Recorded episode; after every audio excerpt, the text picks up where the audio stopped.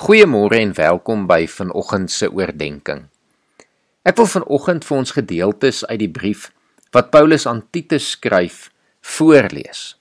Paulus skryf hierdie brief want hy het vir Titus wat nog 'n jong man was op Kreta agtergelaat met die doel dat hy daar die gemeente verder moet vestig. Maar Titus het dit nie altyd maklik gehad nie.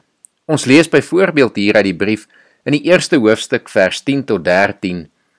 Daar is baie, veral onder die bekeerlinge uit die Jodendom, wat in opstand kom teen gesag, wat onsin praat en wat mense verlei. Hulle mond moet gesnoer word. Hulle bring hele huisgesinne in beroering deur dinge te leer wat nie toelaatbaar is nie. En dit net om skaamteloos geld te maak. Een van hulle mense, hulle eie profeet het gesê: "Die kretensers is altyd leenaars, ongediertes en luivrate." Hierdie getuienis is waar. Daarom moet jy hulle streng teregwys sodat hulle gesond kan word in die geloof. Arme Titus het dit regtig dis nie maklik gehad om met hierdie mense te werk nie. Maar hy het gereeld die gesonde leer van die evangelie aan hulle verduidelik en verkondig en Paulus moedig hom keer op keer aan om dit te bly doen.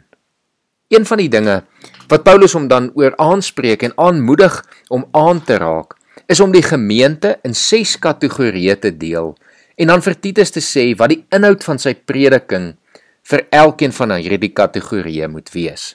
Die kategorieë is ouer mans, ouer vrouens, jonger vrouens, jonger mans, predikers en slawe.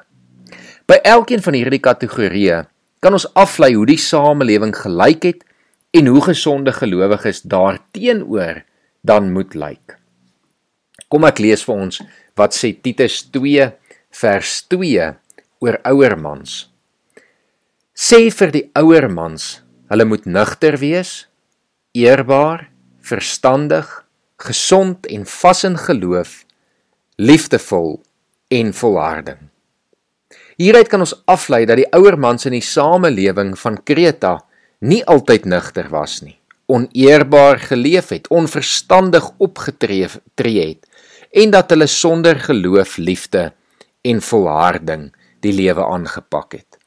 Hulle was dus eintlik maar ongelowig tot 'n groot mate, liefdeloos en wisselvallig. Maar daarom moet Titus hulle aanmoedig om nugter, eerbaar, verstandig en vas in die geloof te leef. Dink net aan die positiewe invloed wat hierdie ouer mans vir wie Titus gepreek het, uiteindelik in die gemeente van Krete gehad het. Dink wat kan vandag gebeur in ons samelewing wanneer mans weer hierdie opneem. Vir die ouer vrouens skryf Paulus dat Titus vir hulle moet sê in vers 3 tot 4: Net so moet jy ook vir die ouer vroue sê, hulle gedrag moet die wees van mense wat 'n heilige lewe lei. Hulle moenie kwaad praat of aan drank verslaaf wees nie. Hulle moet goeie raad kan gee sodat hulle die jonger vrouens kan leer. Ons kan hieruit aflei dat daar regtig 'n nood was vir ouer vrouens om in die gemeenskap te kon optree met 'n heilige lewe, 'n voorbeeld kon stel sodat hulle die jonger vrouens kon beïnvloed. In gesonde gemeentes en gesinne is ouer vrouens dus so noodsaaklik om 'n voorbeeld te kan stel, om nie kwaad te praat nie, maar met goeie raad die jonger generasie kan leer en kan lei. Vir die ge, vir die jonger vrouens skryf uh, Paulus dan in vers 4 tot 5 sodat hierdie ouer vrouens die jonger vrouens kan leer om liefdevol teenoor hulle mans en kinders te wees. Verstandig en kuis goeie huisvrouens en onderdanig aan hulle mans. Ek het gister reeds in die prediking redelik baie hieroor gesê Maar ons kan hier aflei dat die jonger vrouens 'n behoefte gehad het om te kan leer by ouer vrouens en dat dit nie altyd so maklik was om liefdevol teenoor hulle mans en kinders te wees nie. Dat hulle dikwels ook maar onverstandig opgetree het en selflosbandig gelewe het.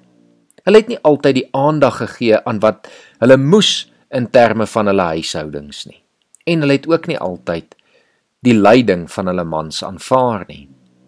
Maar hoe mooi is dit nie wanneer jonger vrouens geleer deur ouer vrouens liefdevol teenoor hulle mans optree, met liefde hulle kinders grootmaak.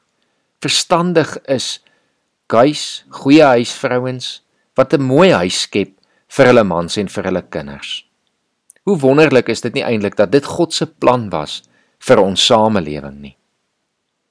Wanneer Paulus dan by die jonger mans kom, dan sê hy in vers 6 tot 8: Net so moet jy die jonger mans vermaan om hulle verstandig te gedra.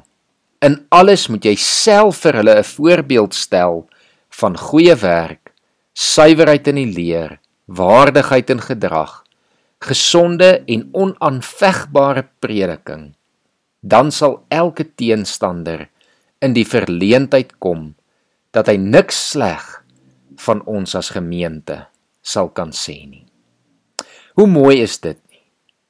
Paulus skryf natuurlik hierdie vir Titus omdat Titus self nog 'n jong man is en as jong man moet hy juis die voorbeeld wees vir die ander jong mans om waardig in gedrag op te tree, suiwer in die leer van die evangelie en dit wat gepreek word dan uit te leef sodat niemand in die samelewing iets daarteen kan sê nie. Ons het 'n ongelooflike verantwoordelikheid om in vandag se tyd, net soos hierdie gemeente van Krete, weer ons verskillende rolle op te neem. As jy al reeds 'n ouer man of vrou is, om die jonger generasie te help. As jonger generasie moet ons beter kan doen deur die wysheid wat vir ons gegee en gegee word uit God se woord en uit ons vorige geslagte, sodat ons gesonde gesinne kan wees wat die Here kan dien en 'n gesonde samelewing kan bou. Kom ons bid saam. Here, dankie vir hierdie brief van Titus en dankie dat ons vanoggend weer so baie daaruit kan leer. Here, ek kom bid vanoggend weer vir ons gesinne dat U hierdie week by hulle sal wees, dat U hulle sal seën, dat U hulle sal help, Here, om dit wat U hier geskryf het, dat ons dit sal toepas in ons lewens. Ek bid dit in Jesus se naam. Amen.